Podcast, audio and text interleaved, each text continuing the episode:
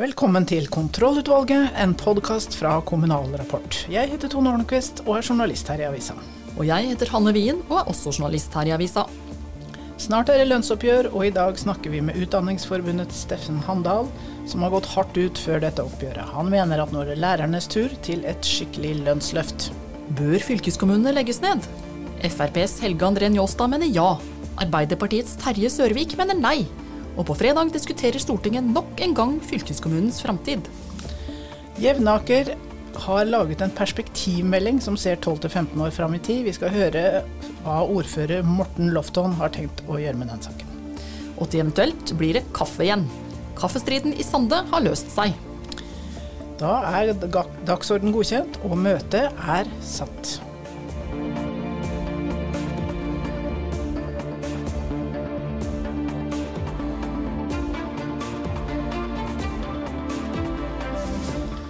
Det nærmer seg lønnsoppgjør, som i år er et uh, hovedoppgjør. Og i dag har vi med oss eh, leder i Utdanningsforbundet, Steffen Handal, på telefon. Velkommen til oss, uh, Handal. Takk for det. Hvilke forhåpninger har du til årets lønnsoppgjør? Jeg forventer å møte en, en seriøs motpart, selvfølgelig. Jeg forventer konstruktive og ryddige forhandlinger, sånn som vi egentlig pleier å ha. Og jeg forventer også at vi finner et uh, resultat som, uh, som juniorgruppene kan være fornøyd med. Uh, det betyr at vi bl.a. må se en litt annen praktisering av frontfagsmodellen enn den vi har sett i tidligere oppgjør. Du, dere har jo diskutert ganske heftig med KS i det siste om hva en lærer er. Det finnes åtte lærerutdanninger i dette landet, og ja. alle de gjør deg kvalifisert til å være lærer. Og det er jo definert sant, eh, gjennom rammeplaner til disse forskjellige utdanningene. Eh, men vi mener jo, det tror jeg egentlig mange politikere har ment i årevis, at eh, vi trenger lærere som er godt kvalifiserte. Og man har jo skjerpet inn kravene både for å komme inn på lærerutdanningene, og man har også gjort lærerutdanningen lenger. Nå er, den, nå er grunnskolelærerutdanningen f.eks. på masternivå. og Det, det, gjør man jo fordi at man vil ha godt kvalifiserte lærere. Når KS mener at det ikke er nødvendig å ha lærerutdanning for å jobbe som lærer, så mener jeg de er på kollisjonskurs med, med det sentrale politikere nå har mast om i 10-15 år, og det er selvfølgelig et direkte angrep på profesjonen, vil jeg si. Ehm, de kunne jo valgt å si at eh, ja, vi har selvfølgelig folk med delkompetanse her som vi kan bruke når vi har lærermangel. og De kunne også sagt at eh, vi, vi vil samarbeide med nasjonale myndigheter og lærerprofesjonen for å utdanne flere og sørge for at flere ble rekruttert til og ønsket å fortsette som lærere. men Isteden har de nå valgt å, å, gå løs på betydningen av lærerutdanning. Det syns jeg er eh, veldig, veldig alvorlig og selvfølgelig veldig trist. Men du, KS sier, sier, jo da at Utdanningsforbundet dere bruker en snever lærerdefinisjon, eh, snevrere lærerdefinisjon enn lovverket. Og at det dermed blir flere som dere kan kalle ukvalifiserte. Men eh, med, med, det, med, Utdanningsforbundets strenge definisjon så avskiltes en rekke av dagens dyktige og kvalifiserte lærere, er eh, KS sitt uh, argument. Er det, er det liksom ikke fordel å ha lærere med variert utdanningsbakgrunn? Jo, og derfor har vi åtte lærerutdanninger som kvalifiserer, lærere, for, kvalifiserer folk inn på forskjellige måter til læreryrket. Det KS forsøker å gjøre her, er egentlig å utnytte en, eh, en setning i forskriften som åpner opp eh, for at andre også kan tilsettes. Eh, det legger jo selvfølgelig et veldig press opp mot nasjonale myndigheter. og Når KS velger å gjøre dette, så er det ikke bare for å løse dette tariffoppgjøret, men de provoserer jo også alle oss som har valgt å ta lærerutdanningen. Og vi hadde representantskap i Utdanningsforbundet i forrige uke. og lederen av pedagogstudentene går på talerstolen og lurer på om det virkelig er sånn at arbeidsgiveren hennes, eller en fremtidig arbeidsgiver hennes mener at lærerutdanning ikke er viktig. Men ja. Du sier at det er KS som måtte velge å bruke den definisjonen, men nå bruker vel også grunnskolens informasjonssystem også den samme eh, definisjonen som KS har valgt å benytte seg av? Ja, Det som er uheldig i dag, det er jo at arbeidsgivere eh, lokalt kan definere hvem som kan anses som lærer.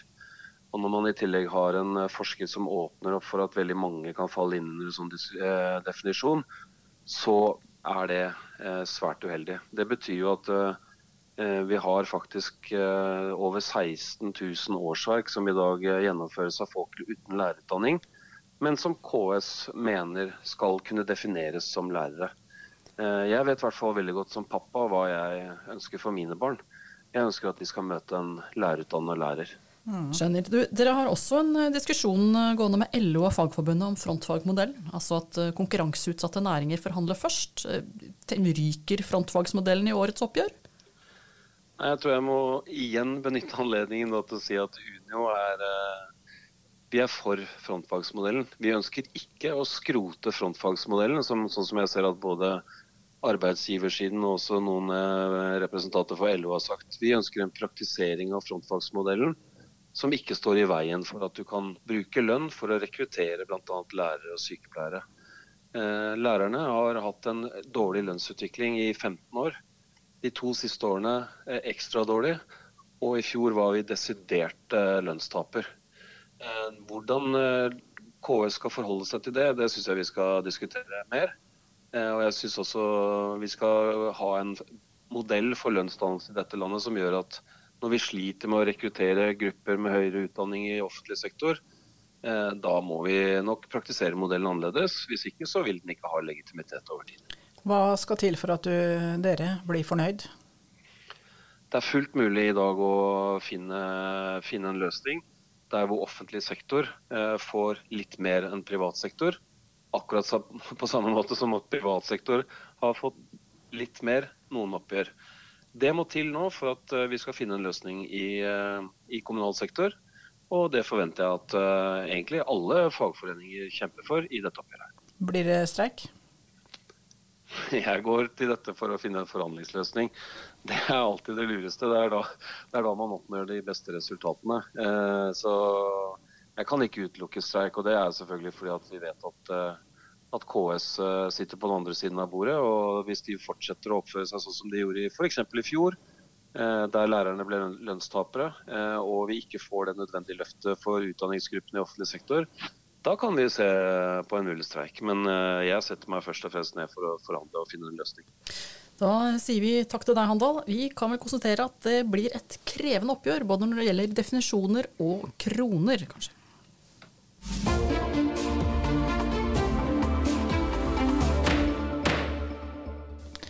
I Fremskrittspartiets program står det at eh, fylkeskommunen eh, bør legges ned, og med ujevne mellomrom fremmer eh, Frp det forslaget i Stortinget og blir stemt ned. Men nå fremmer dere forslaget igjen, Njåstad, og mener saken har fått ny aktualitet. Hvorfor det? Nei, Det er jo mange grunner til, til det det er jo at det, den regjeringen vi nå har, snakker jo bare om å reversere og gå tilbake i tid på alt. Vi må jo heller løfte blikket og se framover. Og I framtida kan vi organisere Norge på en smartere måte med to nivå. Eh, sterke kommuner som folk har legitimitet til, og staten. Eh, det er helt unødvendig å ha et folkevalgt nivå i, i, i midten. og Derfor prøver vi oss igjen på det forslaget. og hadde jo håpet på at det skulle få større, større tilslutning enn det det ser ut til å få på fredag. Men eh, vi gir oss ikke, fordi det er det eneste rette at et land med litt over fem millioner mennesker kan organiseres på to nivåer og ikke tre. Men eh, altså, fylkeskommunen er jo ikke bare et, et folkevalgt nivå, det er også en, en, lang rekke oppgaver. Hvem skal overta oppgavene til fylkeskommunene? Nei, Det er jo ingen problem. Eh, de aller fleste oppgavene kan løses av kommuner. Eh, og I noen tilfeller så er det naturlig at staten tar, som f.eks. Eh, de store veiene. Eh, store deler av de veiene som ble flytta fra stat til kommune, nei, fylkeskommune i sin tid.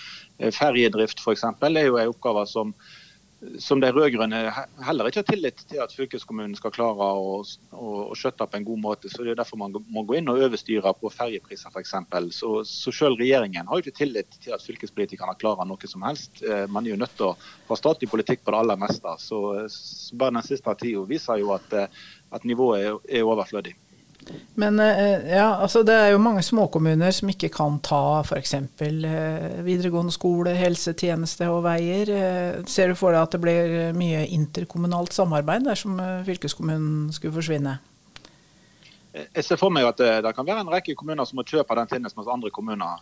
Jeg har mye mer sansen for den måten å organisere samarbeid på. At mindre kommuner kjøpe oss en større nabokommune, enn at man skal organisere veldig mange ting i, i, interkommunale samarbeid som lager uklare styringsforhold og som lager mer byråkrati. Men at eh, noen kommuner kjøper oss andre, er en god modell som, eh, som godt kunne vært løst på, på oppgaver som mindre kommuner er for små til å løse alene. Men, men er det ikke for mye småkommuner nå til å legge ned fylkeskommunen per dags dato? Nei, det, det, er det ikke. Det ville vært fullt mulig. Men eh, vi skulle gjerne sett at, eh, at en, eh, en, del kommuner ble større, fordi at det ville gitt enda bedre tjenester til innbyggerne. Men det er ingenting i veien for at man kan legge ned fylkeskommunen selv med dagens kommunestruktur. Det ville løst seg veldig fint. Det ville faktisk vært en fordel for kommunene. for Hvis det er noe kommunene virkelig merker i dag, så er det jo at fylkeskommunen overstyrer de i alle mulige arealspørsmål og avkjørsler på fylkesveier, arealpolitikk og kjøpesenterforskrifter. Det er masse rare ting som fylkespolitikerne lager bremseklosser for lokalpolitikerne på. Eh, så det ville vært en, eh, en stor befrielse for lokalpolitikerne å slippe fylkeskommunen, slippe den overstyringen. Eh, så det ville vært en veldig god demokratireform å, å fjerne fylkeskommunen. Da ville kommunepolitikerne kunne bestemt enda mer sjøl. Dette forsvarslaget blir vel nedstemt igjen, Njåstad, eller har du håp om å bevege noen? Jeg har alltid håp om at noen skal endre seg, men når til og med ikke Høyre engang eh, stemmer for forslaget, så, eh, eh, så er det jo lite, lite, som tyder på at det vil bli for flertall. Sist vi fremma det, så stemte jo Høyre imot fordi de satt i regjering med KrF og Venstre. Eh, så jeg hadde jo tatt for gitt at Høyre nå ville mene det som Høyre alltid har ment. Eh, men i innstillingen så ser det ut som at Høyre eh, skriver at de er for tonivå, men de stemmer imot forslaget om tonivåmodell. Så det ser jo ikke ut som at, at det får flere enn Fremskrittspartiet sine stemmer. Men dessverre ser det jo ofte sånn at det Fremskrittspartiet har ment alene lenge, slutt blir akseptert. Men det ser ikke ut til at det blir på fredag, men en eller annen gang så vil vil det bli konsensus om at fylkeskommunen er overflødig, og så vil, vil, alle si at Fremskrittspartiet har hatt rett i alle år. Det, det håper du på. Men uh, allikevel så skal dere diskutere dette her, ta en runde på det på fredag i Stortinget. Ja da, det blir, blir, en full debatt på, på fredag, så da, da, gleder vi oss til. og Det blir Fremskrittspartiet mot resten eh, i den debatten. og Det er, er debatter som vi trives veldig godt i. Da det er oss mot resten. Da, da liker vi det. Ja. ja, da er vi på vårt beste. Ok, da sier vi takk til deg, eh, FrPs kommunalpolitiske talsmann er du, Helge André Njåstad. Da har vi med oss eh, Terje Sørvik fra Arbeiderpartiet og kommunalkomiteen. Og kan du gi oss noen gode argumenter for at uh, fylkeskommunen bør bestå? Ja, det gjør jeg gjerne. Uh, det er jo mange ting å si om, om fylkeskommunen. men Eh, ja, eh, det er nå den eldste administrative inndelinga vi har i Norge. Eh, den har jo fungert som en hensiktsmessig inndeling i, i, veldig veldig lang tid. Men det viktigste det er jo å se framover og hvordan det her landet skal være inndelt. Og vi mener jo da i regjeringa at eh, Norge fortsatt eh, er best tjent med å ha tre forvaltningsnivå. Eh, så Derfor så sier jo Arbeiderpartiet og Senterpartiet tydelig i, i regjeringsplattformen at Norge fortsatt skal ha tre forvaltningsnivå, og at vi skal styrke fylkeskommunen som samfunnsutvikler. Så ja, Fylkeskommunen har ansvar for mange viktige tjenester for folk og lokalsamfunn. Eh, Bl.a. videregående opplæring, fylkesveier, kultur, kollektivtransport, tannhelse eh, osv. Men kan du, Også, deg, kan du, se for deg, at det kan legges ned og fordeles på kommunene, sånn som kommunestrukturen eh, er i dag? Nei, det ser jeg ikke. Og det er jo bl.a. med bakgrunn og den erfaring jeg har. Jeg har jo vært fylkespolitiker i Eh, ganske mange år. Eh, heltidsfylkespolitiker i gamle Nord-Trøndelag. Mm. Eh, vi slo oss sammen til, til ett Trøndelag pga. at vi så det som mest hensiktsmessig med en større region for å, å bedre ivareta de oppgavene som vi mener fylkeskommunen skal utøve som samfunnsutvikler. Så kan, Vi kan diskutere strukturen, men at nivået skal bestå og styrkes, det er et stort flertall enige om?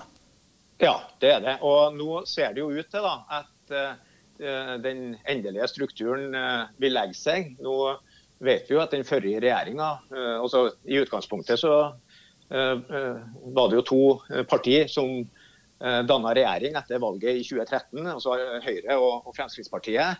De gikk jo til valg på å legge ned fylkeskommunen. Det var det jo ikke flertall for. Så vet vi jo at den forrige regjeringa gjorde jo en, en regionreform Eh, med en inndeling som ikke opplevdes som hensiktsmessig. Så nå har vi jo hatt de her prosessene, og nå vil vi jo tro at strukturen legger seg. og Da handler det rett og slett om å tilføre det regionale folkevalgte nivået oppgaver, sånn at man kan utøve samfunnsutviklerrollen på en best mulig måte for innbyggerne i hele landet. Og dette her skal dere ta en runde på og diskutere på fredag i Stortinget, for da kommer eh, FrPs forslag til eh, stortingssalen. Da sier da vi, vi ja. ja. da skal vi debattere det. Det ja. skal vi gjøre. Ja. Jevnaker kommune har laget en perspektivmelding som ser på utfordringene de neste 12-15 årene. Meldingen skal brukes inn mot eh, kommuneplanen, økonomi og handlingsplaner og kommunale delplaner. Kollega Agnar Korbe har snakket med ordfører Morten Lafton om eh, denne meldingen. Ordfører Morten eh, Lafton i Jevnaker, du har nettopp presentert perspektivmeldinga dere har laga for alle kommunene i Viken. og Fortell meg hvorfor dere har laga en sånn perspektivmelding. Det er jo regjeringa som tar seg av sånt. Ja, det er jo det. Den kom jo samtidig nærmest som vi laga vår. Men i Enåker så har vi jo sett de samme utfordringene og fremskrivningene som de aller fleste andre kommuner har. Eh, og vi bestemte oss for å gjøre noe mer med det, og se hva, hvilke slags handlingsrom kan vi få eh, ved en sånn perspektivmelding. Ehm, den må si noe om hvor vi er. Det er det som er bildet. Altså hvor er vi hen nå? Hvor eh, skal vi i 2035? Og så er det jo clouet da hvordan kommer vi dit det er eh, hele meninga med den perspektivmeldinga. Og, og, det som da måtte gjøres, var jo å sørge for at det ble en bred forankra prosess. Og da er det ikke bare kommunestyret og ledergruppa i administrasjonen eller rådmannen eller kommunedirektøren som må involveres, det er hele kommunen. For å få eh, flest mulig innspill og best mulig eh, medvirkning og, og kanskje noen nye tanker enn det vi som sitter i kommunestyret til daglig får uh, gjennom å lese papirer. Så, så, det var en del av uh, det viktige med den nye perspektivmeldinga. Å vite hvor vi skal hen. Og så skulle hun gi noen helt klare retninger på, på hvor vi må gå, uh, sett i forhold til å drive som før. Fordi den avdekka jo en del momenter som kanskje ble litt overraska over òg. Ja, Fortell mer om det. Nei, men altså, Eksempelvis er det jo sånn at vi, eh, vi må bygge i Jevnaker kommune. Vi er jo en liten kommune, eller mellomstor i norsk sammenheng. 6900 eh, innbyggere. Eh, vi må bygge Innen 2028 så må vi bygge 80 nye institusjonsplasser for eldre. Og det er mange hos oss. Det vil medføre en kostnadsøkning i, i kommunens driftsbudsjett på 146 millioner. Og når vi har 550 millioner sånn cirka i driftsbudsjett fra før av, så er jo det en betydelig økning. Og det vil det bli hvert år. Og innen fem år til så kommer det 80 nye og 80 nye. Og da må vi se på hva er det vi har av eksempelvis bygg. Og vi har ekstremt mange kvadratmeter med formålsbygg eh, sett opp mot kommunene rundt oss. F.eks. Og sambruk av de, eh, se på, eh, på, på nytten av av, eh, av eh, plasseringene av de osv. på en helt annen måte enn det man har gjort før. Det var, eh, det var veldig viktig, eller blei veldig viktig. Og jeg er overraska over at vi fikk den, den, det resultatet. Jeg er også overraska over fremskrivninga i den, i den perspektivmeldinga i forhold til kostnadsbildet som vi vil få hvis vi driver som før. Drive på en annen måte? Vi er nødt til å endre måten å drive på. Eh, og da vil perspektivmeldinga si noe om eh, ja, noen valgmuligheter man har da. Men eksempelvis her er jo å satse forebyggende. Mer forebyggende. Tørre å ta de store, tunge investeringene på det som kanskje ikke synes å være det helt mest prekære nødvendige akkurat nå. For det vil man få igjen for om åtte-ti år. Og vil dra ned de kostnad, det kostnadsbildet bare på ene, den ene sektoren, som jeg sa i stad. Det er jo mange andre sektorer som skal drives i kommunen. Det er ikke bare eldre. Eh, og, den, og omsorgen som skal tas. Det er jo skole og barnehager og, og alle de andre tjenestene som kommunen skal tilby. Har det gjort noe med den politiske debatten i kommunen? Det har gjort eh, veldig mye med den politiske debatten. Det har gjort at vi har samla oss eh, Egentlig alle partiene er unisont enig i at dette her er måten å gjøre det på. Det har gjort at vi har felles budsjetter eh, i nå de to siste åra, altså for 2021 og 2022. Så har vi eh, i forkant av budsjettmøtene i desember da gjort ferdig jobben. Og det er ingen som stemmer imot. Altså det er en helt klar retning på hvor vi skal i Enøker kommune. Eh, og når man går til valg på, på, på med valg, valgløftene sine og valgplakaten, så, så, så går jo alle til valg på at man ønsker det aller beste for innbyggerne sine. Og det er vi enige om, da. Og så er vi enige om at perspektivmeldinga beskriver det. Og hvordan vi skal komme dit, er vi også enige om. Men det er nok av muligheter til å være uenige likevel og få fram partipolitikk. Ja, for det er noen som vil si at uh, hvor blir det av konflikter? Hvor, hvor blir det av de, de fruktbare politiske diskusjonene? De er der i aller høyeste grad. Og det er jo mange momenter i fremtidsper et fremtidsperspektiv som, som, uh, som, man er kanskje uenig om i prioriteringsrekkefølgen, eller eller, eh, eller kostnadsbildet på det eh, osv. Men, men hovedessensen er at vi har et felles mål, og vi skal dit. Og vi er enige om veien dit eh, i stor grad. Og så er det selvfølgelig ting som, i, som på andre tjenester og andre områder som går daglig drift og, og årlig handlingsmål, som er nødt til å, å justeres, selvfølgelig. Og der kan jo man drive den partipolitikken man ønsker.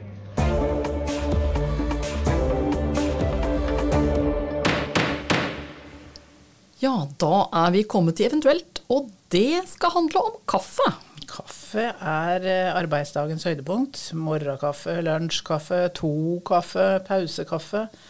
Altså Kaffe på jobb er viktig, og derfor er jeg veldig glad for at den to år lange kaffestriden i Sande i Møre og Romsdal har fått en lykkelig slutt. For i forrige pod så fortalte vi da om de ansatte på bo- og behandlingssenteret i Sande som bare får kronekaffe, mens de vil ha frilig kaffe, som de mener smaker mye bedre.